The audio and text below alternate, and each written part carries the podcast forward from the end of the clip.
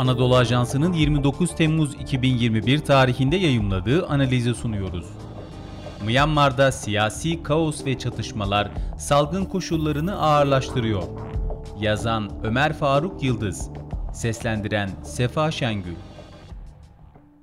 Son bir yılda yeni tip koronavirüsün neden olduğu tahribatın yanı sıra 1 Şubat askeri darbesinin etkileriyle mücadele eden Myanmar'da toplumsal krizin geldiği boyut endişe veriyor.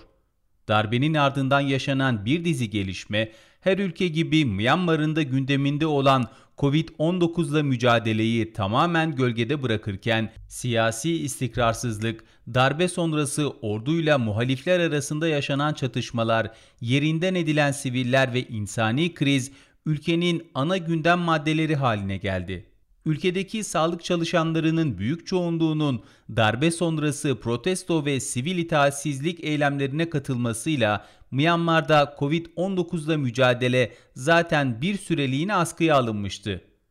Suu Kyi'nin liderliğindeki sivil hükümet darbe sonrası yönetime el koyan General Min Aung Hlaing ve ekibine başarılı bir pandemiyle mücadele mirası bıraktığı için sağlık çalışanlarının iş bırakmasının yarattığı boşluk Mayıs 2021'e kadar pek hissedilmedi.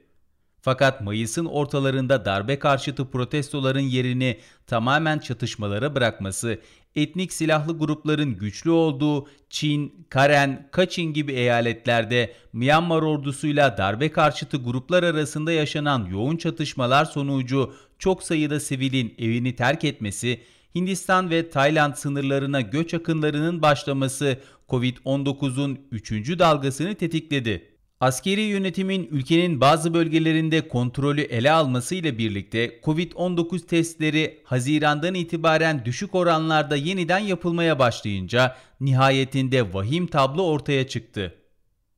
Kayıt dışı vakalar ve gerçeği yansıtmayan rakamlar Myanmar'da 28 Haziran'dan bu yana vaka artışları 4 haneli rakamlarda ilerliyor. 16 Temmuz'dan bu yana ise günlük vakalar 5000'li rakamların üzerinde seyrediyor.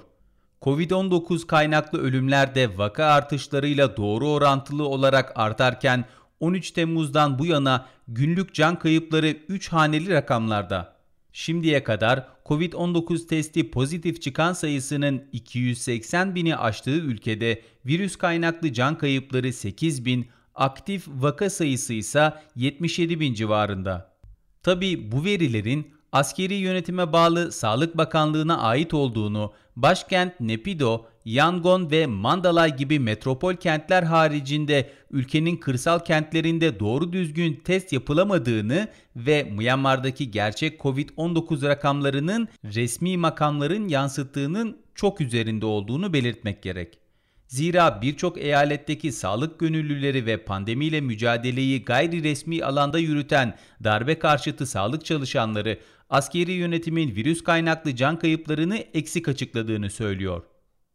Myanmar'ın Asya'daki yeni Covid-19 merkezine dönüşme tehlikesi.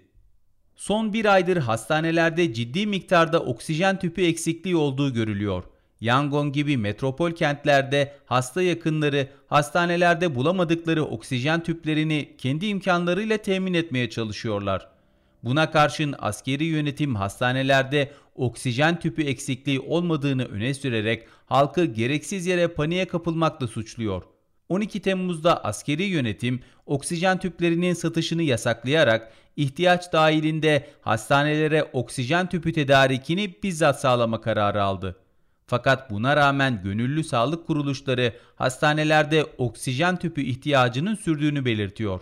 Oksijen tüpü haricinde halkın pandemiye karşı korunması için yüz maskesi, el dezenfektanı ve ilaç gibi gerekli tıbbi malzemelere yönelik ihtiyaç da söz konusu. Bu konuda Birleşmiş Milletler Mülteciler Yüksek Komiserliği geçen hafta Çin eyaletine bağlı Mindat kentinde yerinden edilen sivillere yönelik tıbbi ve gıda yardımı yapmak üzere girişimde bulundu. Fakat askeri yönetimin birçok dağlık bölgeye geçiş izni vermemesi nedeniyle bu yardımlar planlanan sayıda kişiye ulaştırılamadı. Askeri yönetimin engellemeleri karşısında darbe karşıtı silahlı gruplar ve ulusal birlik hükümeti de uluslararası camia tarafından muhatap alınmadıkları için insani yardımların ulaştırılması konusunda yapıcı bir tutum sergilemiyor.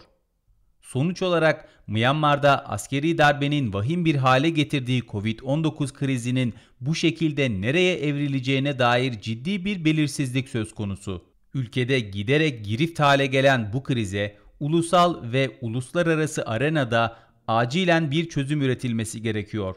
Aksi halde bu şekilde devam ederse Myanmar kısa zamanda Covid-19'un Güneydoğu Asya'daki yeni merkez üssü haline gelebilir ve bu durum sadece ülkeyi değil bütün bölgeyi etkiler. Güneydoğu Asya'daki insan kaçakçılığı ve uyuşturucu ticareti gibi yasa dışı faaliyetlerin büyük çoğunluğunun Myanmar üzerinden yürütüldüğü dikkate alınırsa ülkedeki salgının bölge ülkelerine yayılması tehlikesinin mevcut olduğu söylenebilir.